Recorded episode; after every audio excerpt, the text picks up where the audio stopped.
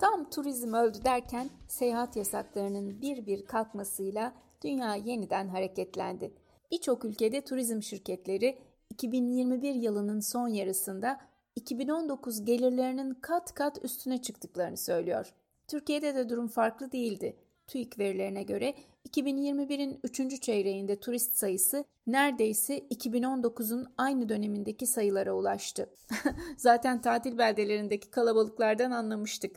Uzunca bir tatilden sonra Aygen Aytaç podcastlerinin bu yeni bölümünde biz de turizm sektörünün her krizde olduğu gibi kendisini nasıl şartlara uygun şekilde dönüştürdüğünü, değiştiğini, nasıl evrildiğini ele alacak ve en son turizm trendlerine bakacağız. Hit the road, Evet, kışın hüküm sürdüğü Doğu Avrupa'da yine kapanan birkaç ülke var ama geçen yıldan beri başka başka ülkelerde mahsur kalan Avustralya vatandaşları için nihayet gün doğdu. Aynı şekilde Tayland ve İsrail tabi bir sürü şarta bağlı olarak turistlere yeşil ışık yakarken İngiltere'de Covid yüzünden seyahat kısıtlaması getirdiği ülkeler listesinden o ünlü kırmızı listeden son 7 ülkeyi de çıkardı. Peki artık eskisi gibi seyahat edebilecek miyiz? Covid sonrası uluslararası seyahat etmenin Covid öncesindekinden farkı ne olacak? Bu soruyu tam bir yıl önceki Avustralya biletini sayısız ertelemeden, kapanmadan sonra bir ihtimal önümüzdeki günlerde kullanacak olan Figen Hanım'a yöneltmek istiyorum. Adeta bir yalelliye dönen bu yolculuk planının öncekilerden farkı ne acaba? Ee, güzel soru çünkü her şeyden önce inanılmaz bir duygusal ve fiziki olarak da etkilenme söz konusu. Tam bir yıldır bekliyoruz gidebilmeyi en normal, en doğal olarak yaptığımız uçağa atlayıp gitme eylemini gerçekleştirmeyi bir yıldır bekliyoruz. Bir kere psikolojik olarak çok etkilendik. E, bavullarını üç kere hazırlayıp kapıdan hatta bir gece önce e, yarın sabah uçağa binecek derken gece yarısı biletinizin iptal edilmesi, ülkenin kapanma kararı almasıyla ortada kalmak e, kötü bir şeydi. E, ilk 3 ertelemeden sonra şimdi evet belki ay sonuna doğru gidebilme ihtimalimiz var her şeye rağmen. Ama ben diyorum ki uçağa binmeden buna inanmayacağım artık. Hala hala. Çünkü her an tekrar iptal edilme durumu var. Peki şimdi e, yine önceki seyahatlerden farklı olarak havaalanına gidişte, gitmeden önce o hazırlık aşamalarında sizi neler Şimdi her ne- şeyden neler bekliyor? önce genel olarak Covid kaynaklı yalnızca seyahat değil hayatımızda da bir sürü değişiklik oldu. Hepimiz bir maske ile yaşamaya, dolaşmaya, yürümeye, alışmaya çalışıyoruz ki fiziki olarak bir sürü alerjik reaksiyonlar da gösteriyoruz maskelere. İşte bir saatten fazla taktığımızda sesimiz kısılıyor, gözümüz yaşarıyor vesaire. Ama tabii uluslararası kurallar gereği hem Türkiye'de hem uçarken transit geçeceğimiz ülkede hem de varabilirsek, gidebilirsek varacağımız ülkede maskeyle ilgili e, çok kesin ve katı kurallar var.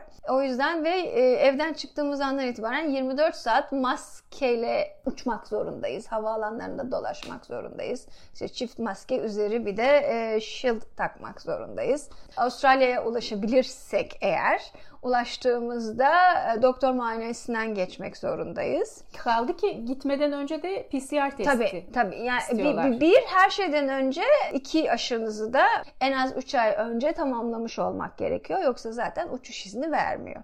Ama sırf aşı olmak da yeterli değil. Uçuştan 72 saat önce PCR testi yaptırmak gerekiyor ve e, PCR testiniz pozitifse zaten uçamıyorsunuz. E, bütün şey- Şartları şartları, yerine yerine, getiriyorsunuz. ama uçaktan indiğinizde tekrar doktor muayenesinden ve PCR testinden geçiyorsunuz. Bunun ne kadar süreceğini biz de bilmiyoruz. Gidebilirsek gidince göreceğiz.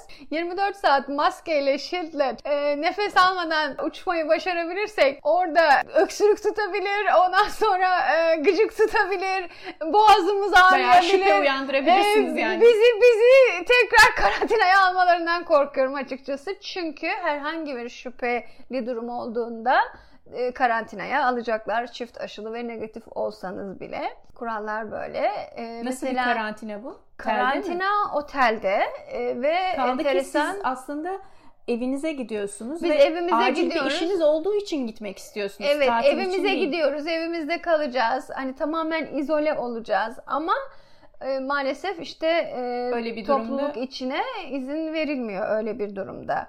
Bütün bunları, bu şartları karşılasanız bile evde bir karantina süreniz olacak değil mi? Bildiğim kadarıyla 14 gün sürekli rapor vermek zorundasınız E, ve onların onlar da gelip e, böyle sürpriz ziyaretler yaparak e, Evde olup olmadığınızı bir de telefonlara yüklenen uygulamalar var. İşte ondan sizin evden uzaklaşıp uzaklaşmadığınızı Sizi takip ediyorlar. Sizi sürekli takip ediyorlar. Ve siz de o uygulamaya sürekli rapor vermek zorundasınız. Aksi halde Aksi halde çok ciddi para cezaları var korkunç miktarda ve eğer uyarıldığınız halde tekrar devam ederseniz koşullara aykırı hareket etmeye ciddi cezalar, farklı yöntemlerle cezaları da var diye biliyorum. bir de çok sınırlı sayıda insana izin veriliyor galiba Evet. uçuşlarda değil mi? Yan yana Ee, seyahat hayır. Normal uçak koltuk sayısının üçte biri kadar bir yolcuya izin veriliyor. Onun dışında da Avustralya'nın koyduğu bir e, yolcu sınırlaması var. Haftada en fazla 3000 yolcu alıyorlar. Peki siz bu şartlarda tatile gitmeyi düşünüyor musunuz? Asla. Evden çıkmayı bile düşünmüyorum. Çok teşekkürler Figen paylaştıkların için. Covid koşullarına rağmen tatile gidenlerin, turlara katılanların sayısı yine de az değil. Aşı olanlara sınırların açılmasıyla sadece geçtiğimiz Temmuz ayında dünyada 54 milyon turist uluslararası seyahat yaptı. Turizm sektörü eskisinden çok daha güçlü hale geliyor gibi görünüyor. Bunu bize açıklamasını bir turizm ve kültür uzmanından Aygün Atilla'dan rica ettim. turizm sektörü bu tarz kırılmalara alışkın. Biz daha önce bunu kuş gribinde yaşadık, 11 Eylül'de yaşadık. Bu her işte kaos ya da kriz teorisinde olduğu gibi böyle majör kırılmalar oluyor 10 yılda bir, 20 yılda bir. Sonra dengeler bozuluyor. Bunlar bir süre salınıyor ve başka bir denge noktasında bir araya geliyorlar. Yeni bir form oluşuyor. Yine benzer bir şey. Sadece Covid'inki çok e, çok majör bir kırılma oldu. Bizim seyahat planlamamızı, seyahatin bizim için ne anlama geldiğini değiştirdi. Alelade bir hani duraksama hikayesi değil. Çünkü bir sürü değişim aslında kalıcı hale geldi. Bambaşka bir şeye geldi seyahat hikayesi. Form değiştiriyor ama bizim seyahate veya temasa ihtiyacımız var. İnsanız yani. Turizm bugün sadece gidip eğlenmek değil, başka bir şeyi deneyimlemek, başka bir insana dönüşmek, zenginleşmek bizim hayatımızda çok önemli bir yere tekabül ediyor. Bu sadece bir aman gittim, eğlendim, geldim hikayesi değil ki. Dolayısıyla ve turizm için bizler için çok uzun bir ara aslında. Yani geçen ben Covid'in başından beri uçağa binmedim ve benim için seyahat etmek iki yıl öncesinden çok daha beni motive eden, çok daha büyük bir ihtiyaç. Bence bu biraz da bundan semerinden boşalmış gibi eğer bu hani biraz argo bir tabir olacak ama seyahate ihtiyacımız çok fazla. Bir de belki de insanlar ölümle bu kadar burun buruna gelince acaba bari ölmeden hayalimi gerçekleştireyim mi diyor bir de belki bu yüzden seyahat edenler de vardır. Doğru, Boş doğru vermişlik, yani. aşırı sıkıntı. Tabii tabii ölmeden önce yapılacaklar listesinde işte şurayı göreceğim hikayesi çok ön sıralara çıktı aslında. Bir sürü arkadaşımda da ben aynı bunu görüyorum işte. Biz mesela işte bir arkadaşımla Kore'ye gidecek. Bir buçuk yıldır Kore'nin aç, açılmasını bekliyoruz. Ben Bizim de çok bekliyorum.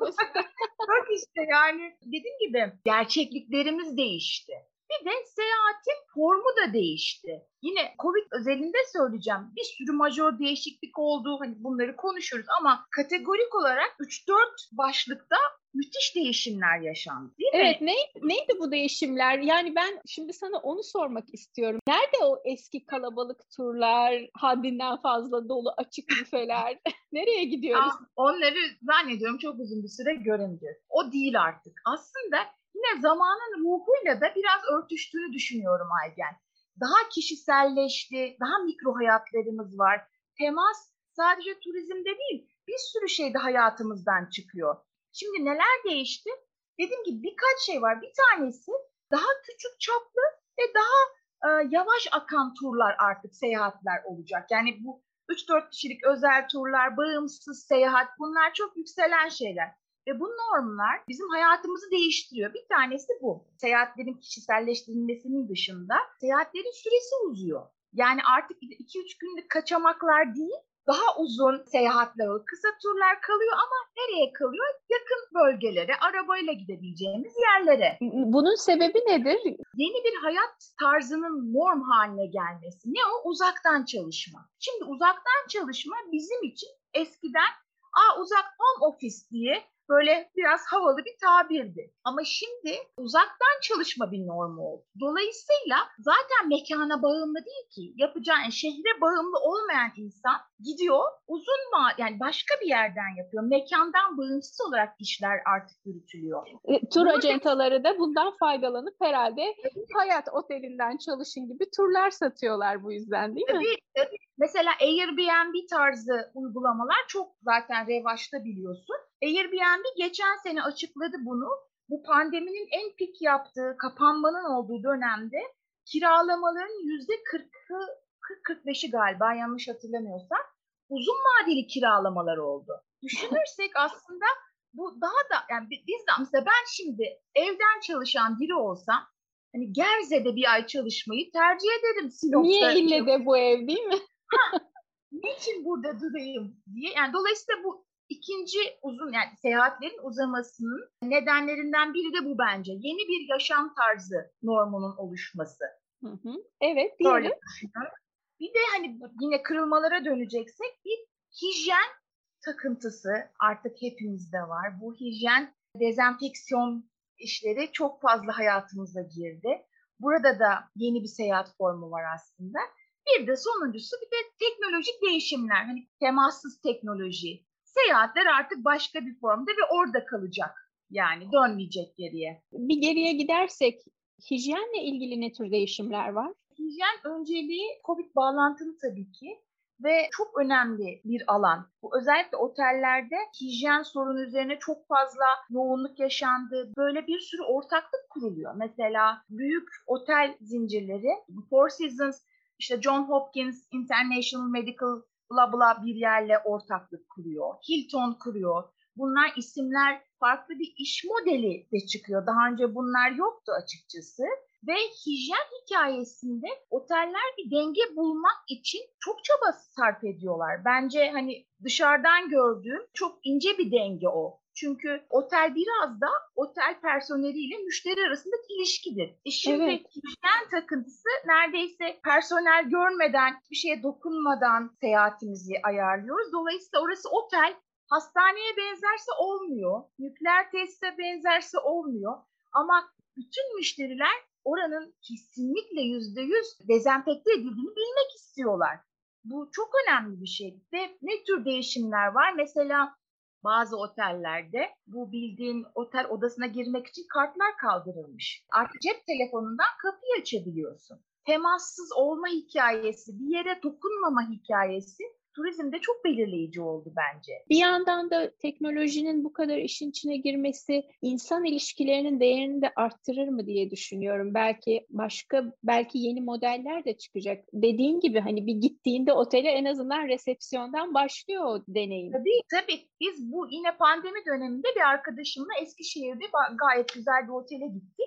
Sabah kahvaltısı odalara geliyordu o zaman. Şimdiki şey bilmiyorum ama sabah kapıyı açtık böyle çok hoş genç bir arkadaş. Önünde işte maske, her şey siperlik. kullanılmış, siperlikler. E, yani görünce aslında gerildik biz. O kahvaltıyı da yapmak istemedik aslında. Bu çok ince evet. bir denge gerektiren bir hikaye bu. Ve sadece hijyen meselesinde sadece otelde mesela ulaşımda, ulaşımda da benzer şeyler var. Hijyen alt başlığı altında. Şöyle mesela JetBlue diye bir uçak şirketi onlar bu koltuk arkası ekranlar var ya Aygen. Evet. Onlara dokunarak biliyorsun uçakta e, ben hep sudoku oynarım onlarda. Ama işte öyle program basmak istediği zaman cep telefonundan cep telefonunu uzaktan kumanda gibi kullanabileceğin bir sistem getirmiş mesela. Yine dokunmadan hmm ekranda hareket ediyorsun. Yani hijyen meselesi çok büyük, çok majör kırılmalardan biri olacak. Evet, Oldu aslında yani. teknolojiye girdik ama teknolojiyle ilgili ne örneklerin var Aydın? Neler oluyor? Pandemiyle beraber gelen bir şey değil. Mesela buna biyometrik patlama diyorlar. Turizmde çok kullanılan bir kavram. Yüz tanıma teknolojisi. İlk aklıma o geldi mesela artık bu boarding hikayesini, uçağa binme hikayesini neredeyse hiçbir yere temas etmeden halleden bir sistem var şu anda dünyada. 100-150 havalimanında belki böyle. Türkiye'de de çekimler, bu temassız çekimler çok yaygınlaştı biliyorsun. Benim de geçenlerde e, Financial Times gazetesinde gördüğüm bir yazıda şöyle bir şey vardı. Hong Kong'da kruz gemileri hı hı. çok fazla tabii artık başka limanlara gidemedikleri için ama bu yaratıcı modeller çerçevesinde tabii %50 oranında az müşteri alarak kruzlarına yani gemi seyahatlerine devam etmişler. O da şöyle olmuş. Limandan 2-3 günlüğüne çıkıyor. Uluslararası sulara giriyor. Orada duty free açılıyor. Gümrüksüz alışveriş ve kumarhaneler. Pandemi boyunca da sürekli doluymuş bu gemi seyahatleri. Ama orada dikkatimi çeken bir şey, bütün yolculara kırmızı bir boyunluk veriliyormuş ve bir buçuk metreden fazla yaklaştığında herhangi bir kimseye alarm veriyormuş o boyun. İnanılmaz bir şey. Gerçekten tam distopya dizisi filmi evet, gibi yani. Yani evet bir bilim kurgu filmi gibi. Yani umarım buralara gitmeyiz ama bu teknolojinin kullanımının sonu yok gibi. Ben de sana katılıyorum. Aygen hatırlar mısın bizim çocukluğumuzda Jetgiller diye bir çizgi film vardı. Evet. Sabah kalkıyordu ve hiçbir şeye dokunmadan dişleri fırçalanıyordu, giyiniyordu, gidiyordu falan. Hani öyle bir gelecek bizim çocukluğumuzdaki gelecek çok da uzakta Geldi. değil sanki. Gelmiş gibi. Açık ama bahsettiğin örnek çok önemli. E, şu, şunu da hatırlattı bana. %50 kapasite dedin ya Aygen. Hani e, bu başka şunu hatırlattı. Seyahat maliyeti de artacak aslında. Çünkü kapasite düşüyor ya. Bu uçaklarda da öyleydi. İşte yan koltuğu boş bıraktım. Bir metre e, ya da başka bir taşıt şeyinde de olabilir. Otellerde olabilir. Bu kapasitenin küçülmesi maliyetin artması demek. Yani bu böyle Tabii bir ki. şey.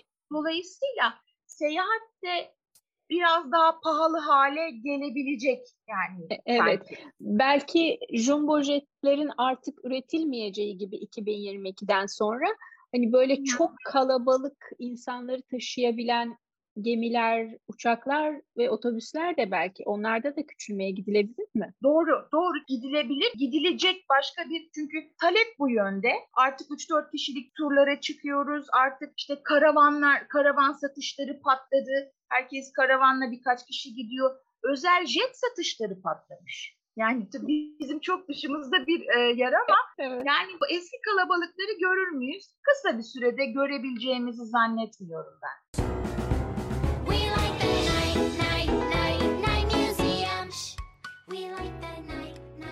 Bir de şöyle bir şey Aygen hani her yer etkilendi bundan tabii oteller, uçaklar ama mesela müzeler de çok etkilendi.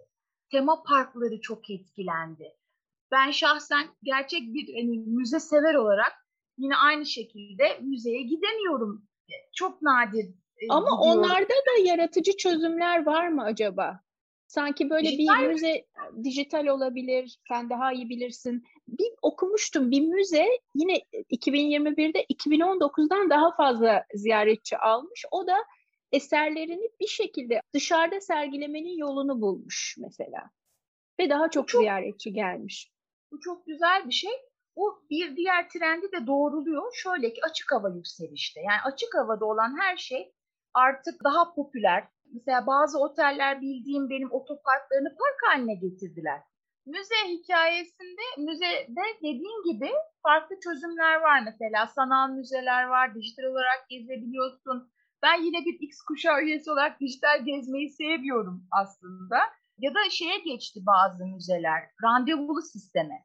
En fazla 10 kişi geziyor bir anda. Hmm, işte, yine küçülmenin bir işareti, evet. Evet, taşıma kapasitesine göre bir sayı belirliyor bu anlamlı bir şey. Benim gibi, senin gibi hani görmekten hoşlanan hı. Ama dijitalleşme, dijitalleşmenin şöyle bir güzel yanını da gördüm. Mesela dün akşam Japon NHK kanalında bir program izliyordum. White Canvas diye bir grup kurulmuş. Japonya, Kamboçya ve Sri Lanka'da bir sivil toplum hareketi bu ve bütün yerel sanatçıların eserlerini topluyorlar. Bir her ülkede ayrı jüri e, üyeleri seçiyor sergilenecek resimleri ve dijital ortama konuyor. Ve aslında galeriye erişimi olmayan bir sürü sokak sanatçısı ya da herhangi bir ressam da resmini sergileyebiliyor ve satabiliyor. Yani sadece dijital olarak görülmüyor. Hani gerçek resminde satabiliyormuş bu proje çerçevesinde. Bir yandan da böyle olumlu yanları da var. Sanki hem sanatçıların sanatseverlere erişiminin sağlanması anlamında hem de tam tersi. Kesinlikle çok haklısın ama zaten böyle değil midir? Hiçbir şey pür iyi ya da pür kötü değildir. Dijital devrimin de çok şahane tarafları var. Yani erişim anlamında, tanınırlık, görünürlük anlamında çok fazla var.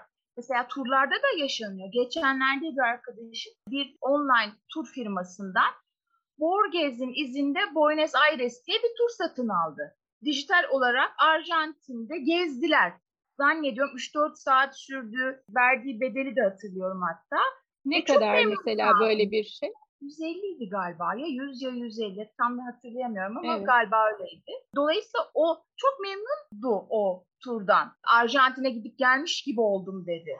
Aslında ben de geçmişte çok gezen biri olarak şunu söyleyebilirim. Bazen ben mesela gittiğimden çok daha fazlasını o ülkeyle ilgili bir belgesel izlerken öğreniyorum. Mesela Latin Amerika'da e, uzun bir süre harcadım gezerek, turlara katılarak ama gelip Netflix'te izlediğim Escobar turlarında öğrendiğim kadar öğrenememiştim. Yani bayağı mesela bu da belki yeni trendlerden biridir sana sorayım. Escobar artık ölmüş gitmiş ama Escobar'ın adamları hapisten çıktıktan sonra bayağı sosyal medya fenomeni olmuşlar cinayet işlenilen yerlere, insanları kapattıkları, işkence yaptıkları yerlere götürüyorlar. Hatta böyle bir cinayet sahnesi falan yaşatıyorlar. Yani canlı canlı bir tiyatro performansı gibi bir şey yaşatıyorlar turlara katılanlara. Yani böyle ilginç turlar da var. Hani tam Covid'le bağlantılı değil belki ama turizmin gittiği yer açısından değişik değil mi? Covid'le bağlantısı şu olabilir Aygen. Covid bu süreci çok tetikledi. Yani bunlar evet vardı ama dediğim gibi nadirdi. Çok az bir kitleye sesleniyordu. Alıcısı az bir kitleydi. Ama şimdi çok rağbet gören, çok yaygın şeyler haline gelmiş olabilirler. Covid'le bağlantısı bu. Ya turizm çok enteresan bir nosyon. Yani binlerce alt başlığı var. Dark turizm de bunlardan biri. Mesela dark turizm diyorlar buna. İşte geçmişte felaketlerin yaşandığı yerlere gitmek, oranın hikayesini dinlemek. Dijital ya da real o hani o kısmı e, ayrı ama bunların alıcısı var. Ben bundan yıllar önceydi, 10 yıl önceydi mesela Latin Amerika'da gerilla turları var. Para veriyorsun, seni kaçırıyorlar uçaktan, uçak inişinden sonra bir yerde tutuyorlar, sonra bırakıyorlar falan filan veya Türkiye'de pamuk toplama turları vardı. Aynı şeyde değil, kategoride değil ama bütün bu kategorilerin ortak noktası aslında insanlar biraz değişik şeyler denemek istiyorlar. Yani deneyim. Evet. Turizmde bunu onlara veren en önemli araç. Yani bu dark turizme girer mi bilmiyorum ama biliyorsun son La Palma'da mıydı bir yanardağ patladı. Hala da lavlar akmaya devam ediyor. Orada yazık e, bir tur şirketinin bir mülakatını okudum. Tur şirketinden bir yetkilinin. Adamın evi ve dükkanı lavlar altında kalmış. Hala diyor cep telefonumu telefonlar geliyor. İşte lav bölgesine tur düzenliyor musunuz diye. Hatta tabii, sanırım tabii. bir neredeydi Yeni Zelanda'da mı böyle 22 kişi volkan yani yanardağı ziyarete gitmişler. Dağın aniden patlamasıyla ölmüşlerdi galiba geçtiğimiz yıllarda. Hani böyle ölümüne turlar evet çok ilginç insanların. Var var. Yani çok da yaygın giderek daha çok rağbet görüyor bunlar. Bu Çernobil turlarını hatırla yani orada ya da başka yerlerdeki yüksek radyasyon içeren yerlere giden büyük turlar var. Ama bunlar eskiden ya kitle turizmi içinde bir olabilecek. Yani artık o kalabalıklar yok. Artık daha küçük gruplarda daha yavaş akan, daha hani üzerimize dikilen seyahatler gibi düşün. Öyle, öyle seyahatler revaçta. Peki, peki Aygün sen yıllarca e, tabii Turizm Bakanlığı'nda çalıştın. Üst düzeylerde strateji belirlenmesine yardımcı oldun. Ülkeler yani hükümetler nasıl ayak uyduruyor sosyal medyaya, bu turizmin gelişmesine? Onlarda nasıl şeyler oldu? Farklı uygulamalar var mı? Mesela influencerların kullanılması gibi bu tür değişik teşvikler var mı? Çağ nasıl ayak uyduruyor bu tür bakanlıklar? Tanıtım anlamında. Tanıtım anlamında. Evet, tanıtım eskiden, anlamında. Eskiden mesela Türkiye'nin ya da bir ülke özelinde konuşalım. Sadece Türkiye değil. Bizim şuyumuz var, şuyumuz var, şuyumuz var. Gelirseniz bunu görürsünüz tarzı bir yaklaşımımız, bir stratejimiz var. Ve o zaman ürünün kendisini koymak yeterli. Ne oluyor? İşte televizyona reklam verirsin, açık havaya reklam verirsin, gazeteye reklam verirsin ve onun nihai tüketici görür ve hani aa burası güzelmiş. Ama o hikaye biraz önce konuştuğumuz deneyimleme hikayesine dönüştü. Artık oradaki üründen ziyade oradaki ürünle ziyaretçinin ne yapacağı, nasıl bir deneyim çıkartacağı ön planda. Dolayısıyla sosyal medya evet dijitalleşmeyle beraber bu deneyimin e, influencerlar aracılığıyla pazarlanması iyi bir araç olarak girdi tanıtıma açıkçası. Bunu bütün ülkeler yapıyor. Hı hı. Başka başka peki Türkiye'ye gelmişken Covid ile ilgili Türkiye'de yeni eğilimler var mı? Yeni modeller oluştuğunu gözlemliyor musun genel olarak? Turist ha, açısından tamam. da. Covid sonrası turizm, mesela iç turizm daha arttı. Birazcık tabii bunun ekonomik krizle de doların yükselmesiyle de ilgisi var hiç kuşkusuz ama bir iç turizmde patlama ya da mesela demin sözünü ettiğin karavan satışlarında patlama Türkiye'yi de ilgilendiren bir şey mi? Evet, kesinlikle ilgilendiren bir şey. İkinci, ikinci kısımdan başlayıp karavan satışları Türkiye'de acayip arttı ve acayip yükselen bir trend şu anda. 90'larda bizim bakanlığımızın bir kamp karavan planı vardı. İşte hangi bölgelerde hangi kamping alanları var vesaire. Sonra bunlar tabii talebe bağlı olarak kapandı çoğu. E şimdi bu yaz mesela Genco benim oğlum tekrar karavanla tatile gitti. Çünkü Ağustos'ta 2-3 arkadaşıyla yapabileceği tek o vardı. E, babasının da bir karavanı var. Bindiler gittiler ve yer bulamadılar. Yani yer bulunmadı tanıdıklar araya girildi.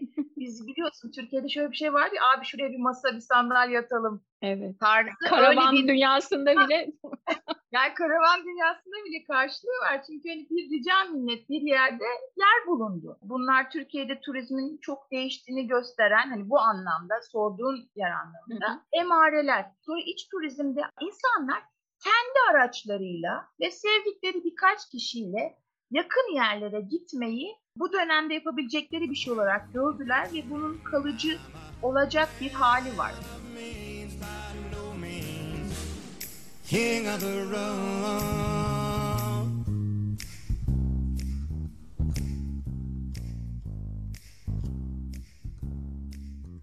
Küçük işletmeler biraz zorda tabii bu pandemiyle beraber. E, çünkü talep azaldı. Onların işi döndürebileceği bir halde değil trafik. Dolayısıyla küçük işletmelerden özellikle çok kapanan oldu bu dönemde. Ama bu farklı iş modellerini de beraberinde getiriyor. Türkiye'deki karşılığını bilmiyorum ama e, mesela Hayat Loves Local diye bir şey okumuştum. Bu Hayat Regency otelleri var ya yurt dışında büyük. Evet. Onlar mesela işte kendi oldukları bölgedeki küçük işletmelere şans tanıyıp onların işte malzemelerini satmak vesaire gibi böyle bir takım iş birliklerine, yeni formlara gidiyorlarmış. Ama bunun ne kadarı çok şahane. Bunlar o Yoksa satın mı alıyorlar küçük şirketleri? Demirmin anlamına mı geliyor onu bilmiyorum tabii şu anda ama sadece konuştuk ya Egen farklı bir yaşam biçimi geliyor aslında. O farklı evet. yaşam biçiminin içinde farklı bir turizm geliyor. Sadece turizmde değil, gündelik hayat değişiyor. Yani şimdi turizm aslında bunun peşinden gelen bir şey. Şöyle bir şey, açık hava yükselişte diye konuştuk ya artık hani açık havada olmak çok önemli. Artık yurt dışında yine biraz önce sorduğum ülkeler ne yapıyor hikayesine değil mi? Mesela Amerika'da bazı yerlerde değil mi şey oluyor yaya, yayalara sadece sokaklar açılıyor. İşte trafik kaldırılıyor insanlar açık havada olsun diye. Ne bileyim Paris'te işte bu teras kafeler artık kalıcı hale getiriliyor açık havada olunsun diye. Dolayısıyla kocaman başka bir şey, gündelik hayat böyle bir şeydir, statik değildir, değişik ve başka bir hayat, başka bir insan demektir. Onun sonucunda da başka bir turizmin gelmesi çok doğal.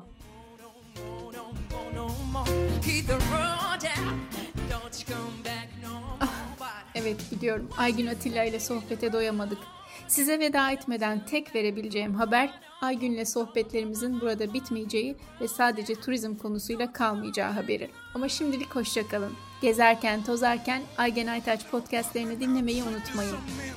Ha, bu arada bu podcastleri dinlemek için hiçbir yere abone olmanız gerekmiyor.